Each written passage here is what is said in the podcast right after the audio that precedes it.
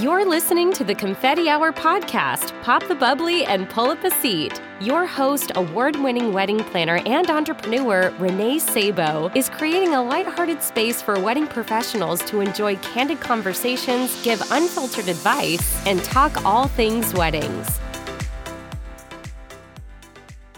Confetti Hour Squad, I'm so excited to share that we are now on Patreon, and I am calling on you to help support our show with a small contribution of $3 per month or 75 cents per episode. Your support goes towards the professional maintenance of the show, allowing us to continue to bring on reputable wedding professionals weekly to share their incredible journeys and tangible tips to help professionals like you and me elevate our services. I hope you will consider this small contribution to help our show, and you can head on over to patreon.com slash the confetti hour to check out more details about becoming a Patreon. Welcome to this week's episode of the Confetti Hour podcast. I'm your host, Renee Sabo, and this week I'm very excited to introduce you to Lisa Anhaiser of LBL Event Rentals. Lisa Anhaiser, CPCE, is the founder and president of Houston based LBL Event Rentals. Lisa began her career in retail management, initially learning the ins and outs of the event industry from the perspective of wedding shows and gift registries. She began utilizing her seamstress skills to create custom linens for one particular show, and it was so well loved that it ultimately led to the start of LBL. For the past 20 years, LBL Event Rentals has been widely respected as an award winning brand providing quality linens and event rentals for social events, corporate gatherings, and weddings. As Lisa makes the shift from owner to president after selling LBL, she is excited about her second act as a consultant for event professionals with a focus on setting business goals, strategic partnerships, exit strategies, and understanding the underlying reasons for a company's successes. Lisa is a graduate of the Goldman Sachs 10,000 Small Businesses Program and Harvard's consultancy course. She also has a bachelor's degree in journalism and marketing from Louisiana State University. More recently, she received her designation of Certified Professional in Catering and Events from the National Association for Catering and Events, otherwise known as NACE. You are going to get a peek into Lisa's world and her incredible journey. And Lisa will also be sharing about how your personal goals become your business goals. And overall, it's just such a wonderful conversation. And there's so much for you to learn from Lisa. So I am so excited to introduce you to her now. Without further ado, please help me welcome Lisa. Hi, Lisa. Hi, how are you? Good. Thank you so much for hopping on and being here today. Oh, thank you for inviting me. yeah, no, I'm really excited for our chat today. I can't wait to like get to know you better and hear all about your journey because I feel like you have some really great wisdom to share with us today. a little, a little. Yeah. Well, to kick us off, I am going to have you just kind of start from the beginning ish, I guess, and tell me all about you. What, what's your journey been like with your career and even your life? You know, we're, I know we're talking about personal and business today. So, yeah, I've got a lot, a lot going on there. well, LBL started out 24 years ago. So this is our 24th year this year. So back in 96. And I was actually working retail at the time, which I kind of you know, I went to college, so I didn't have to work retail, and then found out I'd be starting so much further back if I quit working in retail. So I stayed in retail. Yeah. terrible, right? Retail's hard. Uh, yeah. And not what you want to do for your entire career. I think we always talked about what we were going to be when we grew up. yeah. We were doing bridal shows with the last company that I worked for prior to starting, which was uh, Kitchen and Company. And I had done also with linens and things, and we did them with Macy's as well. So we had gotten to know a lot of the people in the hotels. And my best friend, who also I worked with at Macy's Linens and Things, and then in Kitchen and Company, and I, I were the names of those. I know we're at, and none of them are in business, or well, except for Macy's. You know, the other two aren't in business, so you can't pl- give them a plug. But we went to a bridal show and she was the China manager. I was the store manager. And we're there, we're working it because we had a lot of fun doing that. Both of us liked getting out and, and meeting people. So, you know, what better way? And we walked in this time, probably our eighth time being at one of these things. And they said, What do you think about these linens? We rented hmm. them. And that was back when, you know, you just didn't find a lot of rental linens. It was kind of a new thing. And of course, both of us sewed. So we, you know, looked it over, looked at the seams, looked at the hems. Well, how much did you pay for this? And she told us, and it's like, I could I could do better. Later on that day, the catering manager and her boss came and said, "Okay, put your money where your mouth is. We have a wedding coming up in 2 weeks and they want 100 chair covers and sashes." And it was like we looked at each other and we said, "Yeah, we'll do that." so I went and researched it and went and made a pattern and kept going to a hotel and trying them on the chair and refining it. And we spent two weeks making these hundred chair covers and sashes, which I don't know if you've ever sewn gold lamé, but it is a pain and you cut your hands sewing it. So it's crazy. Oh, wow. That's intense. yeah. So we made these chair covers and somebody said, you know, well, what are you going to do with them now? Well, I guess we're going to rent them. So we came up with a name and, you know, we called and they said, oh, well, weird thing. Today's the last day to get your ad in before the phone book goes to press. Oh, well, we better do this. Well, what do we have to do? Well, you know, you need a DBA, a bank account, this, yeah. that. And I was like, I've got to leave work. I've got an emergency. so I left work at lunchtime and went out and got a DBA, a bank account, and a phone book ad. And that's, that was the beginning. That's how we started. Crazy, crazy thing. So jumped in both feet. Then I don't know, I don't even know how much later it was, probably a year later. They filed for bankruptcy and everybody was like, What are you going to do now? I guess I'm going to do this. so I did. I started working the company, which back then was Tables and Trimmings. Oh, I love that name. yeah, it was so cute. We came up with it. I drew a little table with the linen on it, put it on a business card, and you know, we were off to the races. And I mean, it was crazy. And 24 years ago, my friend was my age now. so she was she was 56 and it was kind of you know, I don't know if I how long I want to do this. Within 6 months I was running it by myself. Oh my gosh, so you dove right in. yeah, just crazy. I panicked, you know, 6 months in and when we talk about you know, things you want other people to know. I mean, you really need to know what you're getting into when you start a business. And we did it on a whim. I mean, it was a total whim. So a lot of people are like that actually. So it's kind of crazy, you know? Oh yeah. I've got an SBA loan. Um, doing all the sewing. I'm shipping material from Houston to Del Rio on a bus so that my mom can help me sew. I mean, it's crazy crazy. And I'm like, I'm in over my head. Now I'm hiring employees. And, you know, that just hit my button and I was done. I couldn't do it anymore. So I sold my first company and I worked for a really large rental group here in Houston. And that lasted for about six months because when you've been doing it on your own, going to work for someone else, and I have to say, a rental company is much different than an event company. When you're an event company, you're completely focused on your customer. You know, you want to make everything perfect.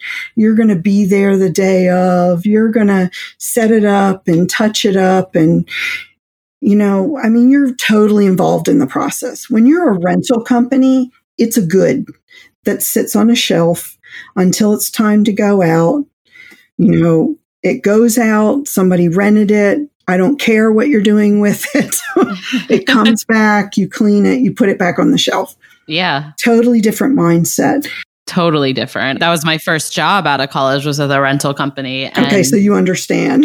yeah, it's a, it's definitely a totally different interaction with the customer, the client, or the couple, or whatever you know, the person hosting the event. And so it is. It's it's a whole nother sector. I feel like there's a lot of tedious things that go into running a company like that. Yeah. And over the years, that's one of the things too. You know, after I sold that first company, started the second one, which has now been 20 years.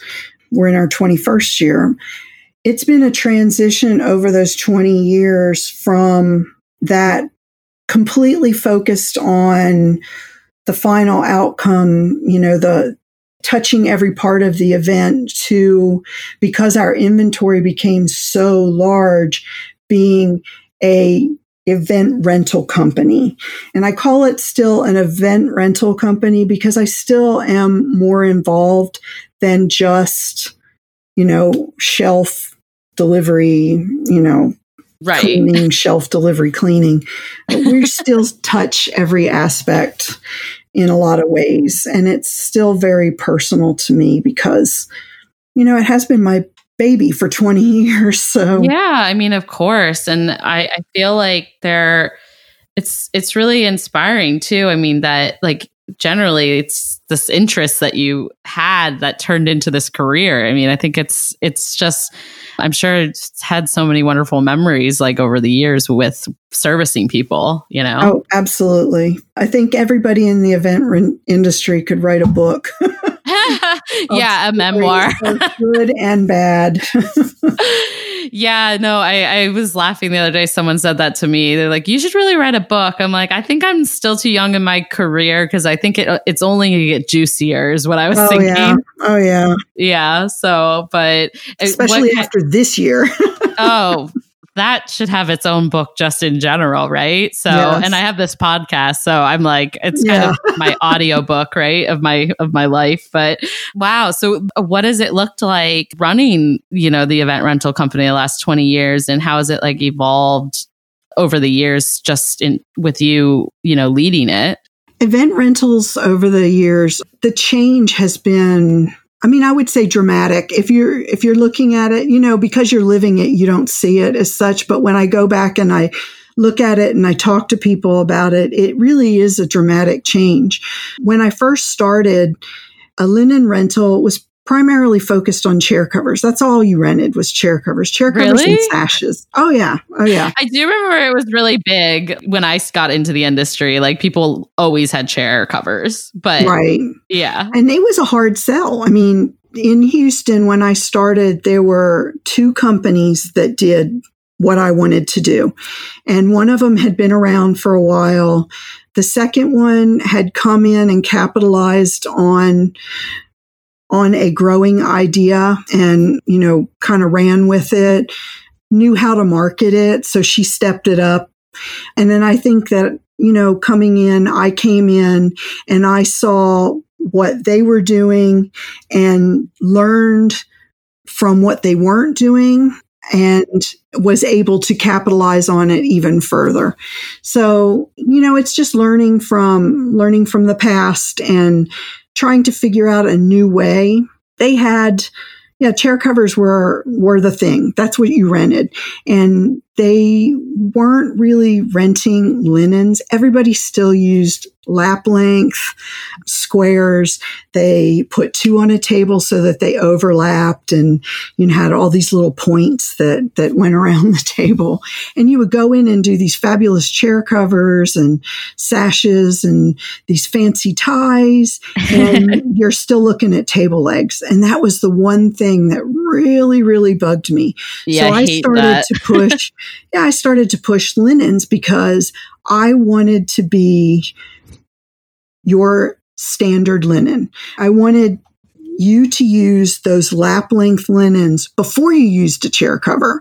Although ballroom chairs at the time were really bad. And yeah, which is why people wanted those. chair cover. yeah, yeah. I think those have evolved so much. Well, all the options, it's insane now, oh, yeah. but there is. I remember thinking Chiavari chairs when I started, you know, in the industry were like, that's as good as it it's going to get is a Chiavari chair. And they were like the most luxury and they still are wonderful. They serve. But now everybody has them. everyone has them so, and they're not the luxury, you know, right. chair anymore. So now so. we don't do chair covers because everybody has Chiavari chairs. Well, I don't need a chair cover.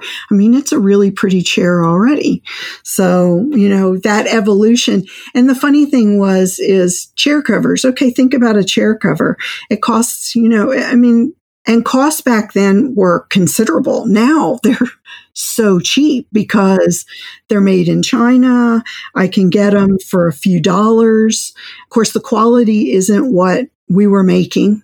Right. We were using high end fabrics, you know, to make these chair covers. So, but I made a chair cover and the initial outlay, yes, was great. And it took quite a few rentals to pay them off, but you were renting them all the time because everybody right. used a chair cover. So, they paid for themselves quick. oh yeah, I could take that money and I could invest that money into other things. So I was investing that money into cloths that I didn't rent very much that weren't paying for themselves, but I could do it at a price that made it reasonable for somebody to use it. So that was my iteration of, of the rental business in Houston. And I just kept manufacturing cloths and cloths and cloths. So then when Chiavari chairs, you know, came in, I was really ready for that change. And I had cloths. I had them in quantity. I was used to working with caterers. So, you know, their quantities were a little larger than the average wedding. So I was in a really good spot. And I feel like that's kind of what kept me ahead of the game. And then also coming from a retail background, I understood how fashion trickled down, you know, from runway. I always, my favorite movie and, and the the section is Meryl Streep in Devil Wears Prada when yeah. she talks about that turquoise sweater and how it started and trickled down into the bargain bin where you no doubt it found it. and I think oh, about oh, I that. always remember that that oh, yeah, that section of that movie. It's the best one and it's and fashion is it's still people don't think so because they all want to be on board with that color of the year.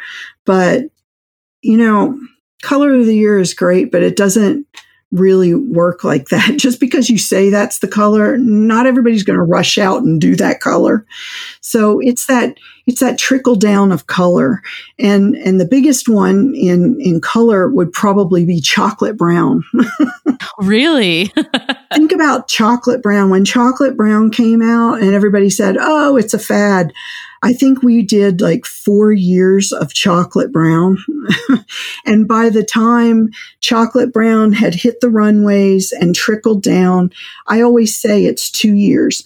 So I would always buy fabrics because I loved them and they were fashion and, and beauty. And I saw that as as something I really wanted to push. And by the time it came in, I already had it in so many different fabrics. Oh my gosh, people would call, you have the most selection of anyone in that color. And it's, well, I've been doing this for a long time. yeah. So I think that's how we, we just keep going. And it's, and then it all ties into what we're talking about today, which is goals. Okay, what are your goals? I want to be an on trend, fashion forward purveyor of fine linens. And, you know, keeping my goal in mind, that's how I stay ahead of where we are on the on the trend cycle and i think that that's been really important for my business is just sticking to those original goals, tweaking and defining and moving forward. That's amazing. I feel like I'm sure that has contributed to the strong reputation that people know the company for today, right? Yes, absolutely.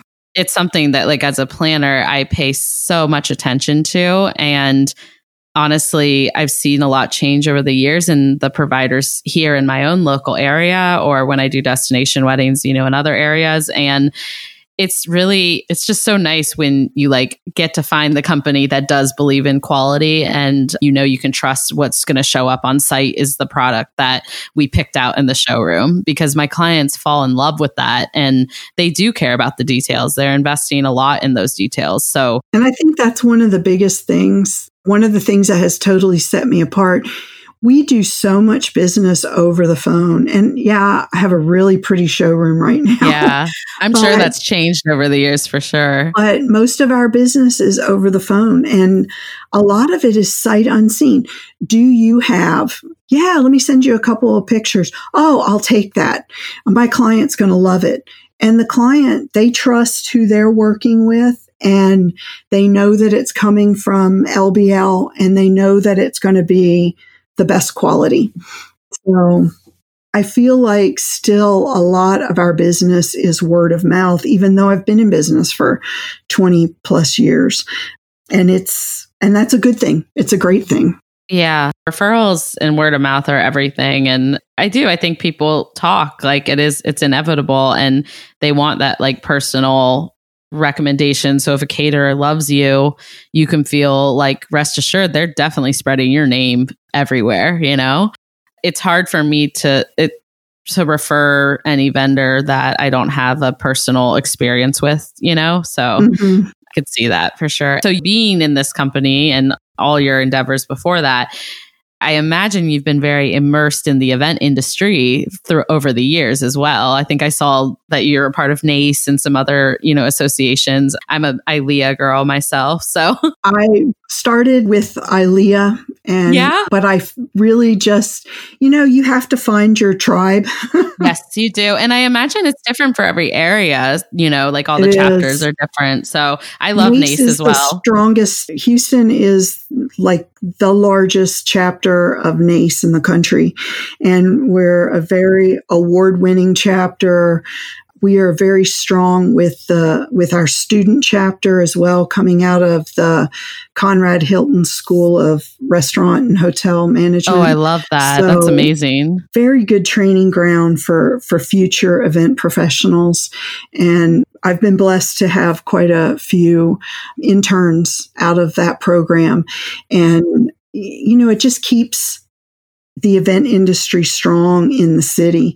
And it's really odd when we go to chapter, well, national functions. I was on the board for quite a while and talking to board members from other cities and they're talking about, you know, how they can increase attendance at meetings and how they can increase membership and we don't have good membership and you know, it's, they look to our chapter a lot of times to give them that information because we are so big, we are so strong, we are, I don't know, we are what their future is because of the way our industry changes so dramatically in such a big city and it's it's really amazing being able to help smaller chapters set goals to improve you know attendance and and their events and what they're providing to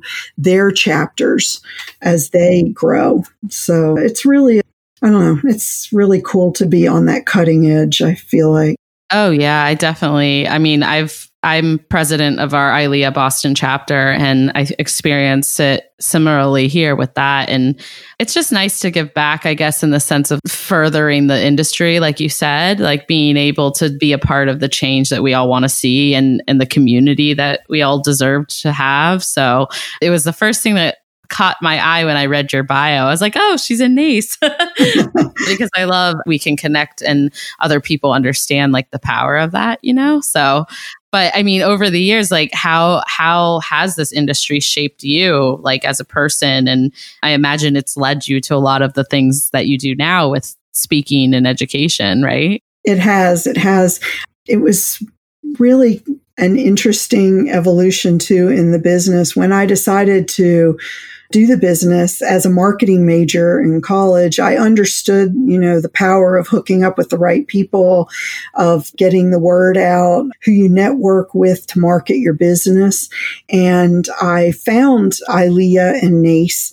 And the thing about NACE was those people you know, that had started that chapter were so invested in what they were doing in that organization that when I showed up at that meeting, you know, 20 plus years ago, they told me, you know, oh, you need to meet and you need to meet and you need to meet. And nobody outside of, well, anybody in NACE would know who I'm going to talk about.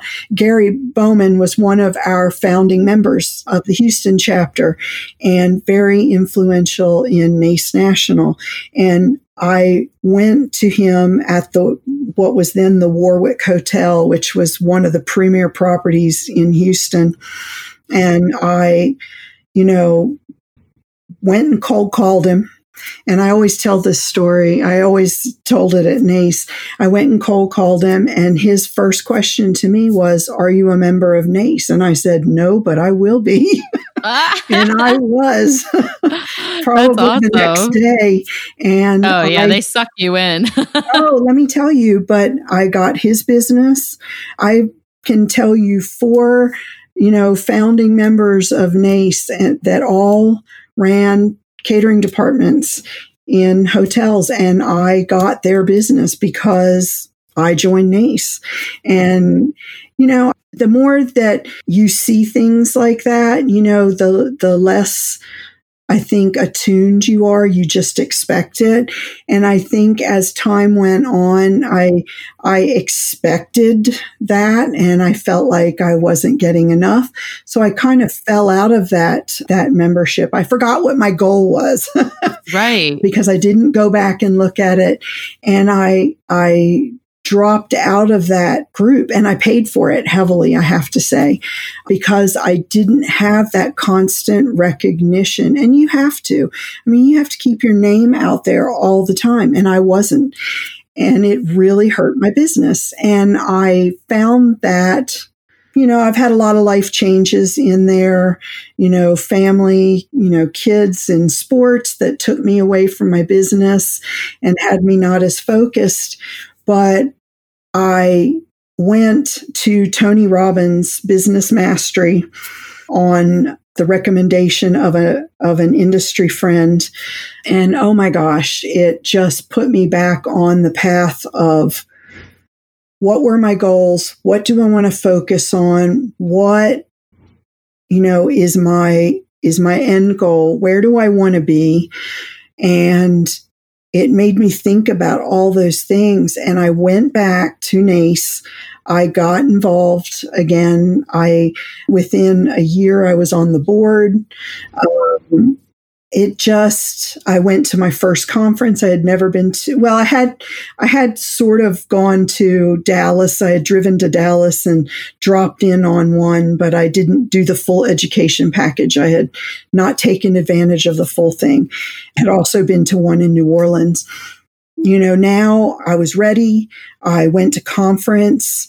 I shocked a lot of people because I paid my own way to go to the what is pretty much the function of board members. I went to that their conference and everybody was like, You paid to come here? Really? I thought people always came on scholarship from their chapter. And it was like, Well, let me tell you, it's really hard to figure out how to get the application to apply to come here and pay your way.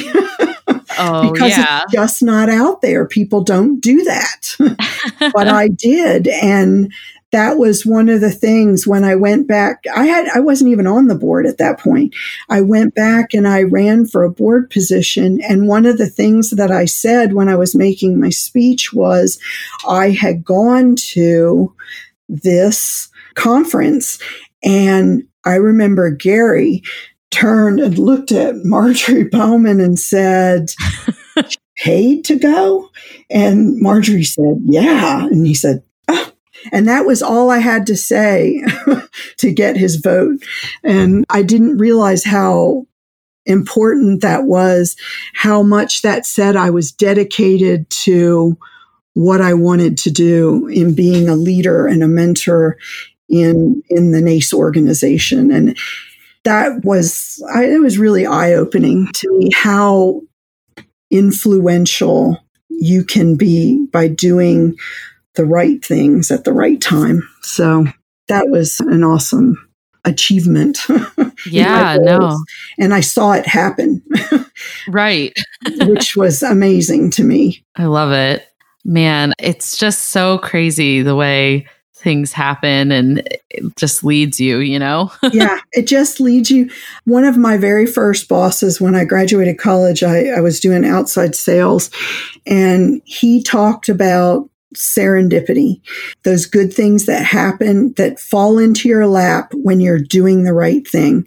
So if you're out there and you're doing the right thing, things just fall into your lap. And, and he always said that that was serendipity. It wasn't luck. It was that you were doing the right things to make things happen. And, and that's all about goal setting too. I mean, it's, it's your roadmap when you're following that roadmap, that goal map, things will happen to you that you will say, or other people will say, Oh my God, you are so lucky. It's not luck. It's I'm working at this. I'm working at this every day. And these things are happening because I'm working. So it is serendipity, but it's because you're putting in the work. I mean, good things just aren't going to happen just because, just because. Right. You know, right. you have to make those things happen too by your actions.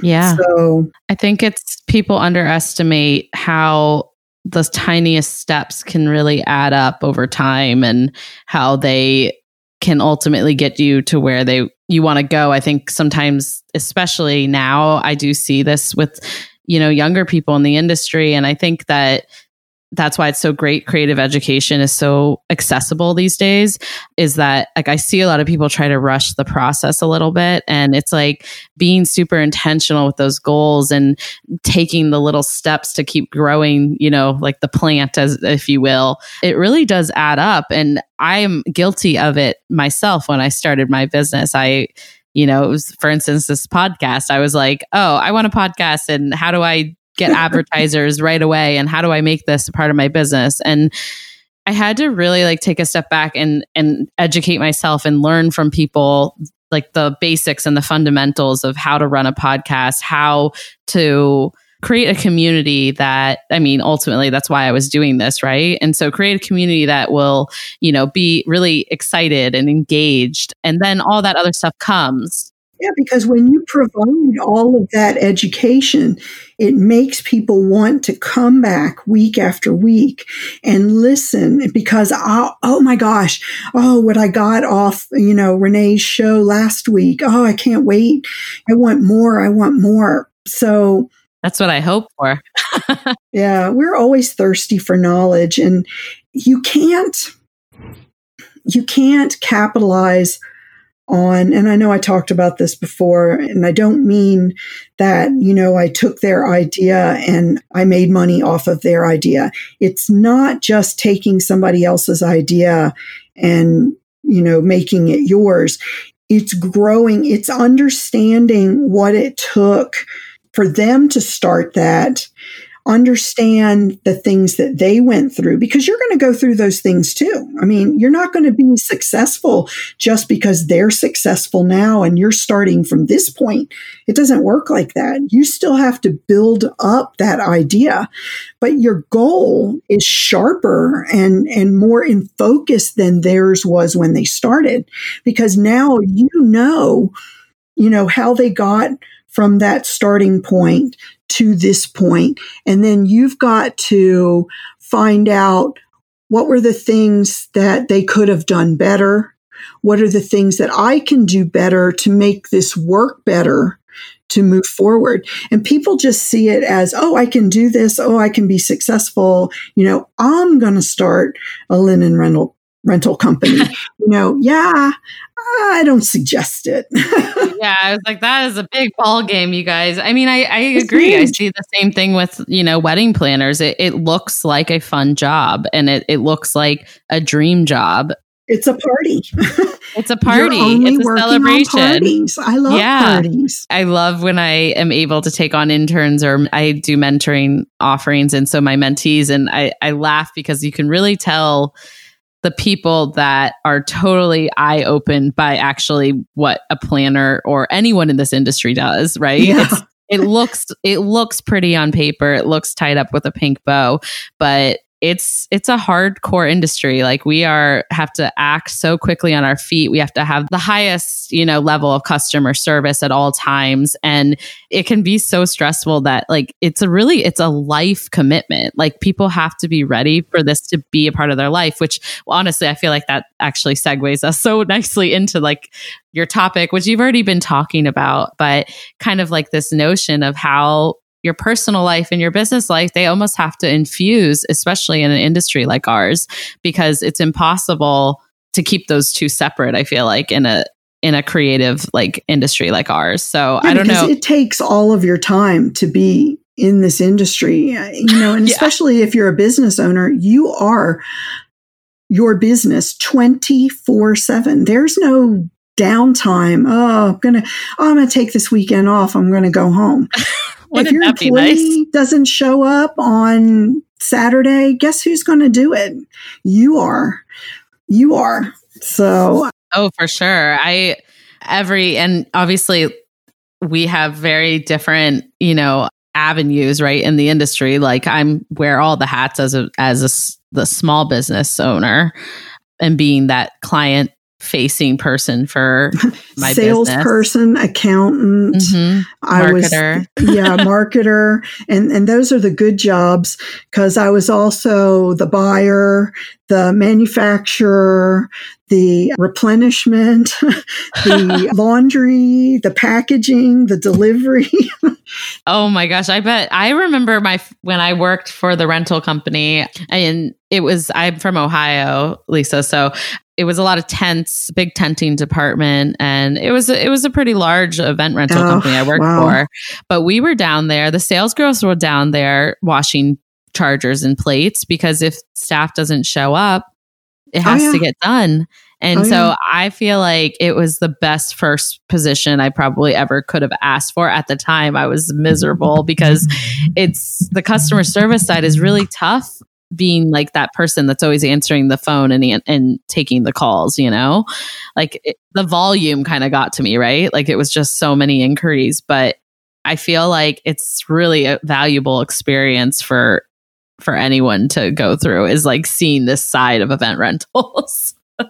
I think that not enough people start in the back room and yeah, understand why we do all the things that we do and how much work goes into that party.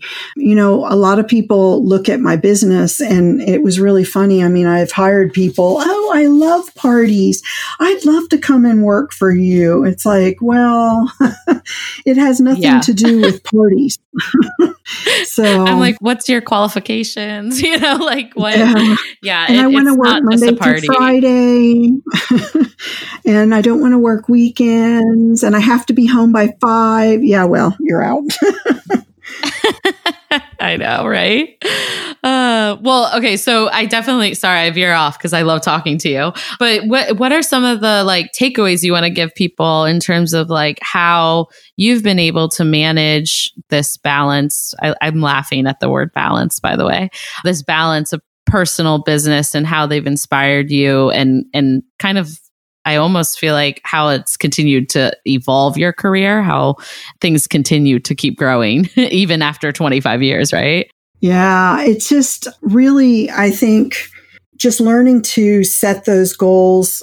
Going to that business mastery just really set me on that path. And it doesn't have to be, you don't have to go and do a really expensive thing. You know, learning from somebody else who's talking about it like we are, reading articles. A lot of the articles are just different ways to say all of the same things, just that we have to be yeah, just that we have to be, we have to be smart in the way that we set our goals. We have to know, okay, I want to be in the event industry, but I don't have a lot of time, you know, to take away from my family or my personal goals. Okay, if your whole goal is to, and I've done this, I had three sons. So if your whole goal is to spend as much time as you can going to sporting events and band concerts and school, you have to be very careful in what career you choose. And I think that a lot of people don't think about what they want their quality of life to be at home until after they've already chosen their job. Oh, yeah. I think it has to kind of be the other way around. I mean, you should be choosing that job based on what you want your home life to be so that you can make those two mesh. You know, if you already have the job, then let's look at ways that we can set our business goals to mirror what our personal goals are. So, you know, we have to be smart and we have to be strategic in the way that we do it. We need to look at all those those quality issues. You know, do you know, are we worried about being home on the weekends? Event industry is not the industry for you. What are you looking for? The whole reason that I went into business for myself was because I wanted to spend more quality time at home. And, you know, retail wasn't it. I was working a lot of months of the year. We were working six days a week and we were working 12 hour days. I was a store manager. I was responsible for, you know, a three, six, nine million dollar store. Okay. Guess who, guess who's in charge? I am. Okay. Did I get paid more to do that? Yes. Did I have flexibility in my schedule? No. So I'm going to take a pay cut and I'm going to do something for myself that I want to do so that I have the options. My kids grew up in the event industry. My oldest is 30, and when he was in high school, he was making deliveries, doing late night pickups, dragging his friends along with him. You know, now he's a Marine. You know, that wasn't a big transition from drill sergeant mom to actual drill sergeant. So, That's amazing. I mean, you know, my youngest, he was three weeks old when I had him in the middle of a ballroom doing a setup for a thousand people. So, you know, he started life out in events. Oh, wow. I kind of love that. That's like my hope if I ever have a child one day. I'm like, I hope they love my job. Yeah. and, and want to like just learn more about it, you know? It's just interweaving those just interweaving those things, you know, making a mesh. I mean, I would go to a baseball game. Hey, I got to leave at, you know, the fifth inning because I got to go do this setup, but I'll be back by the end yeah. for snacks. And I would run and go and do things like that. You just make it, you learn to make it happen, but you, have to be work. flexible. Yeah. yeah. Yeah. It's so funny because my, I think my mom, I mean, she was, she's, definitely where I get my hustle from for sure. She's she had like three jobs while I was in grade school and I remember her never missing any of my stuff. But I I look at her I'm like I don't know how you do it. I don't even have kids and this is how I feel.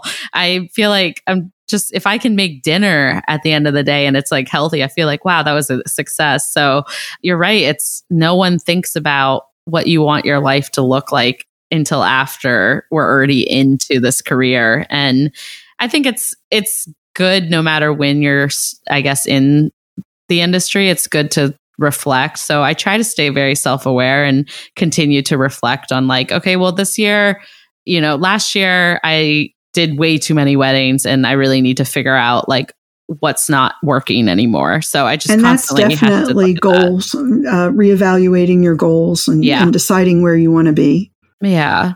So I love this topic. I think it just goes, everything goes hand in hand, you know. I'm sorry, it, it took up this. so much of the time. no, oh my God, no, but I definitely don't want to let you off without talking about what you wish other professionals knew because you've seen some things, I'm sure. oh, yeah.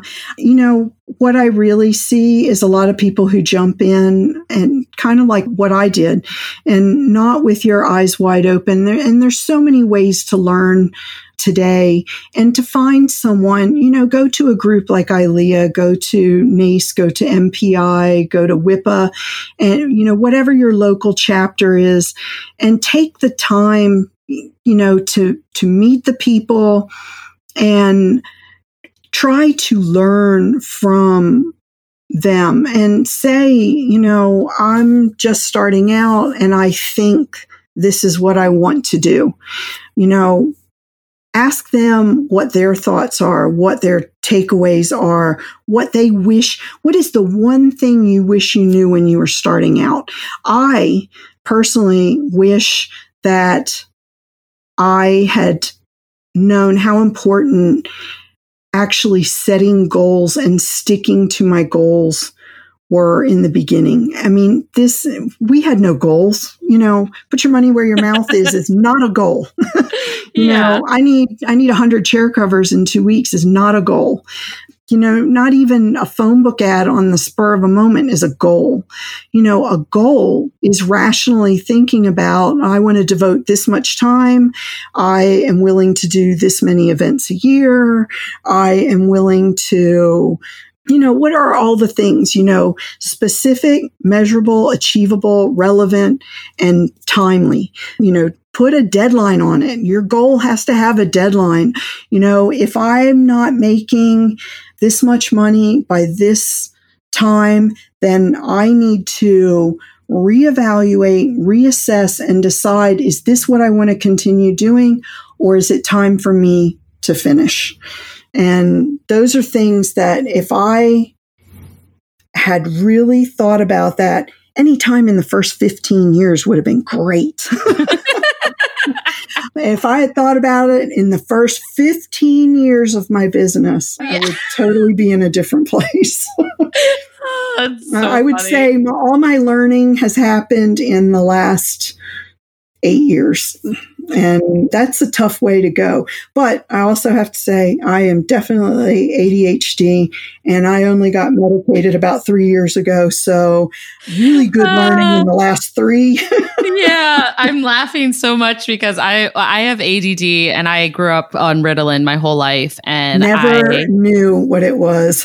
oh yeah, I feel so bad because I'm like, oh, that it, it really does make it harder. It it does, and I think I'm not on medicine anymore. I probably should be. Honestly, sometimes I I just have to work really in overdrive to focus. I, yeah, it's have come up with some amazing skills. I have amazing skill sets because of how I did it in my life.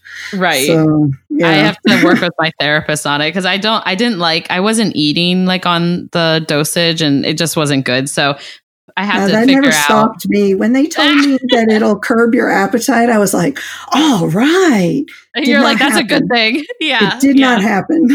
I mean, honestly, curbing my appetite is this career. Sometimes I forget to eat because I'm so absorbed and invested in what I'm doing for work.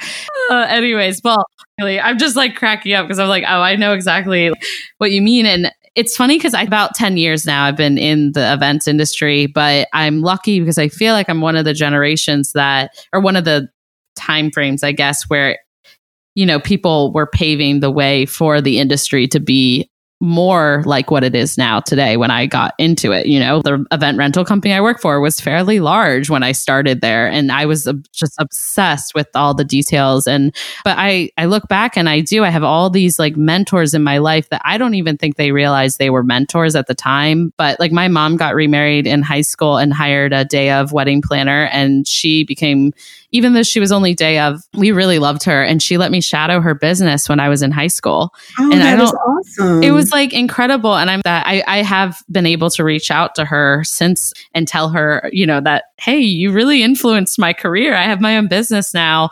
And she was just so floored. And I was like, just a simple allowing, you know, some young girl to come shadow you for a day I just think it's so cool. People have no idea the way people lead each other, you know? But I do remember similar to you, it was a little better then, but my parents were really concerned about me being in this industry because it wasn't really like they didn't think I could make enough money at it. It's not a real job. You know, they oh, said I yeah. could do anything I want, but they just they were just worried about it. You know, they were just worried for me. So my they really pushed me to go get my, you know, MBA here in Boston. That's how I ended up here. Sorry, this is a long tangent, but I just resonate so much with what you're saying. And it was like fighting. I just had to keep fighting to be in this field that I wanted to be in. And I'm grateful that people coming into the industry now don't have to do that because it was really disheartening and it's taken years to get to where I see a lot of people get there a lot quicker than probably you or I had to. Yes. And I probably got there quicker than you ha- you have. So, but I think the way you give back and all the education stuff you're doing now. I just it's such an inspiration and it's really appreciated for people oh, like me. Thanks. And, I it's yeah. I love it. I mean, it's the thing that I think I enjoy the most. Oh, I love it. So yeah. Well, okay. So you did mention that you have some confetti hour confessions for me too. So I can't let you get off the podcast without telling me those. Man, so many. And like one popped into my mind just a minute ago, and I was like, ah, okay. oh, I have to talk about that. And of course, then I, now I've forgotten it already. But it's so uh, bad. So I hate bad. when that happens. Like you forget like your train of thought. I know. Maybe oh, it will come back to you. But, you know, I mean, so many things like that that ADHD thing, and you know, figuring that out. And it took somebody in the industry. And, uh, you know, I kept standing them up for lunch, standing them up for lunch. And they're like, they sent me this article and they said, this just popped up on my news feed. Maybe you want to read this. And it was a, like a seven year old article. And it was how ADHD affects women in menopause. And I was like, Oh, that's wow. so stupid. I can't believe they sent me that. That is I would not be offended. Me. I yeah. was. And then the next morning I woke up and I said, Oh my God, that is me. And I went out and, you know, I'm one of these people. I immediately buy a book. So I went out, I bought a book. I speed speed reading, you know, this book in the parking lot of my doctor's office. Walk into my doctor's office. Hey, I'm ADHD. I need medicine. This is going to help me. I'm going to blah blah blah. And you know, my doctor is a lipidemiologist by, you know, by study. And he said, "Tell me why." And man, I laid out everything for him, and he was like I think you know more about this than I do. And it's like, well, I've been studying.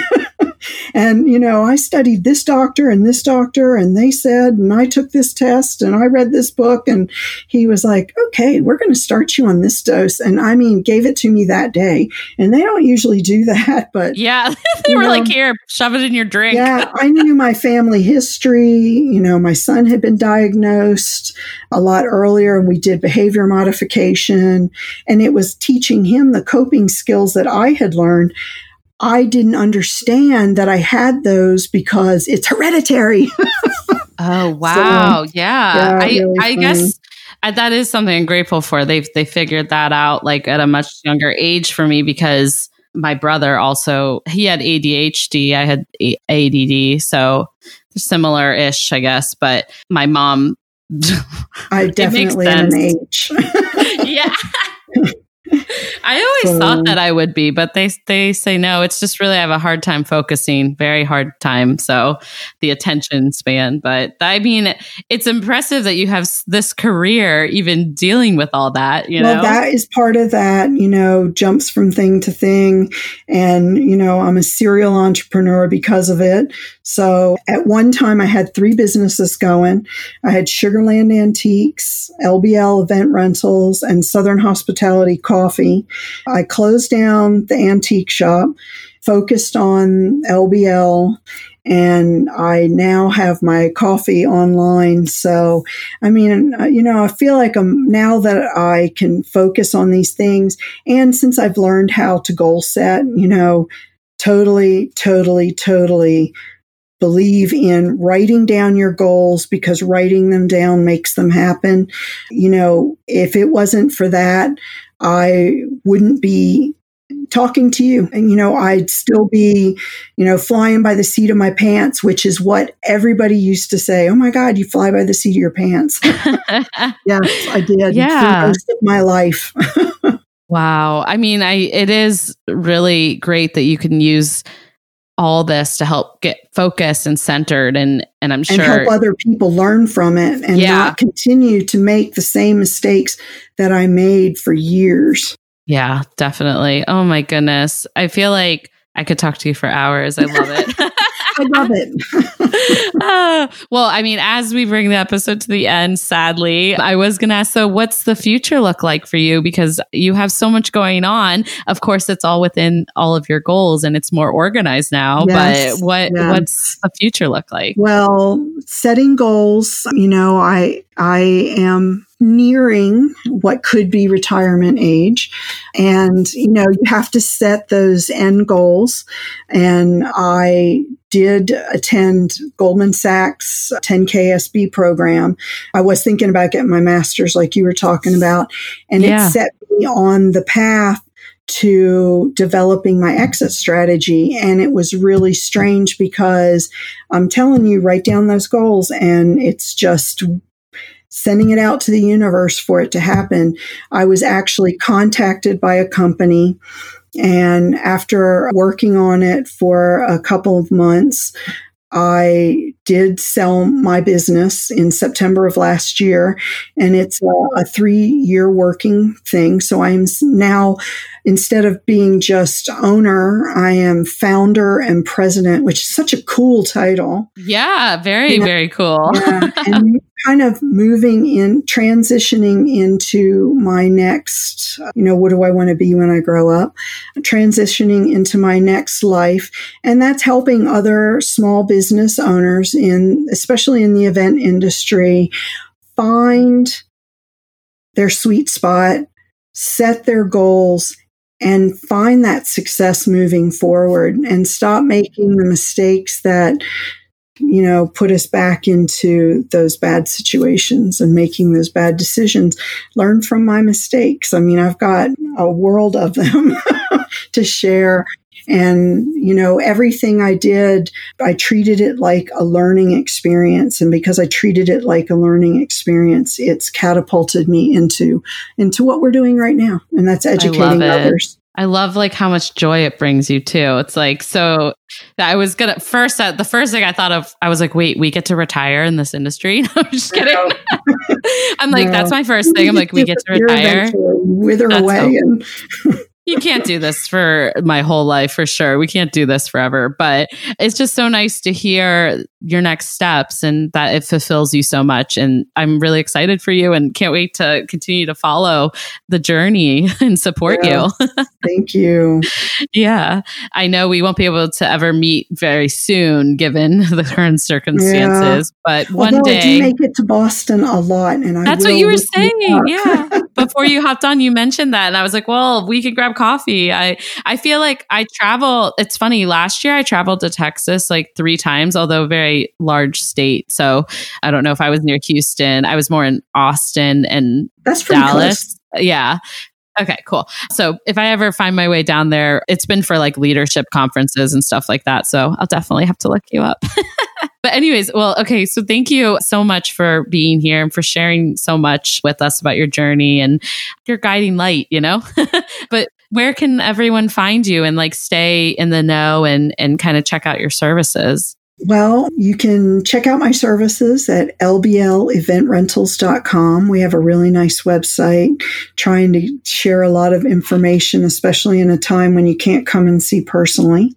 And then if you want to read more of the more about me and my craziness, lisaanhaiser.com is where I have my blog set up. Although I am revamping that because I need to become more focused. When I started it, I had no focus.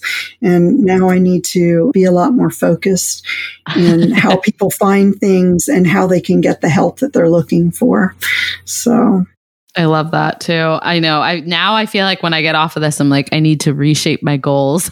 You've inspired well, me. Well, I've got a great sheet. If you send me an email on lisaanhaiser.com, I do have a great metrics and measures, and it'll help you set your your personal goals so that you can then transfer those over and incorporate them into your business goals. Oh gosh, I love that. And you know, I was on your website actually and I noticed that you list Passion Planner on there and I am a big Passion Planner girl. I love their mission and I love their planners. I think it really is a nice brand to support. That is a- my goal. That's one of my goals is to use it more intentionally this year. Yeah, I know. So, sometimes I'm like them away, and people use them way better than I do. But yeah, I know. I always usually get one for Natalie, one of my event assistants, and she uses her so much more than me. And I'm like, I I'm just bad with writing, but I do love it, and I need to maybe do it every night before bed or something, almost like this I would is your journal. future book. You need to keep track. yeah, but I love like all the quotes, and I never regret buying it, even if because it's like thirty dollars yes. or something. It's not crazy. Yes. So, but yeah, Passion Planner. I should reach out. I'm like, do you want to come on the podcast? Uh, I think you should sponsor me. Please sponsor. No, yeah, this is not sponsored. No, I'm just kidding. Anyways, well, I can't thank you enough, Lisa. It was like so so nice to meet you over the podcast, and thank you again for sharing so much with like our listeners. Thank you so much. Of course. Um, everyone go follow Lisa on social media and check out her website. I will link all this down below. And that concludes this week's episode of the Confetti Hour podcast. Isn't Lisa so amazing? I'm so grateful she came on to share all her wisdom and expertise with us. Please subscribe so you can stay tuned for future episodes. And if you are tuning in on Apple Podcasts, I ask you kindly to leave a review for our show. Do you know a fellow wedding pro who might love our podcast? Screenshot this episode, tag a friend, and tag us on Instagram at The Confetti Hour or on Facebook, The Confetti Hour Podcast. That's it for this week, and I look forward to chatting with you soon.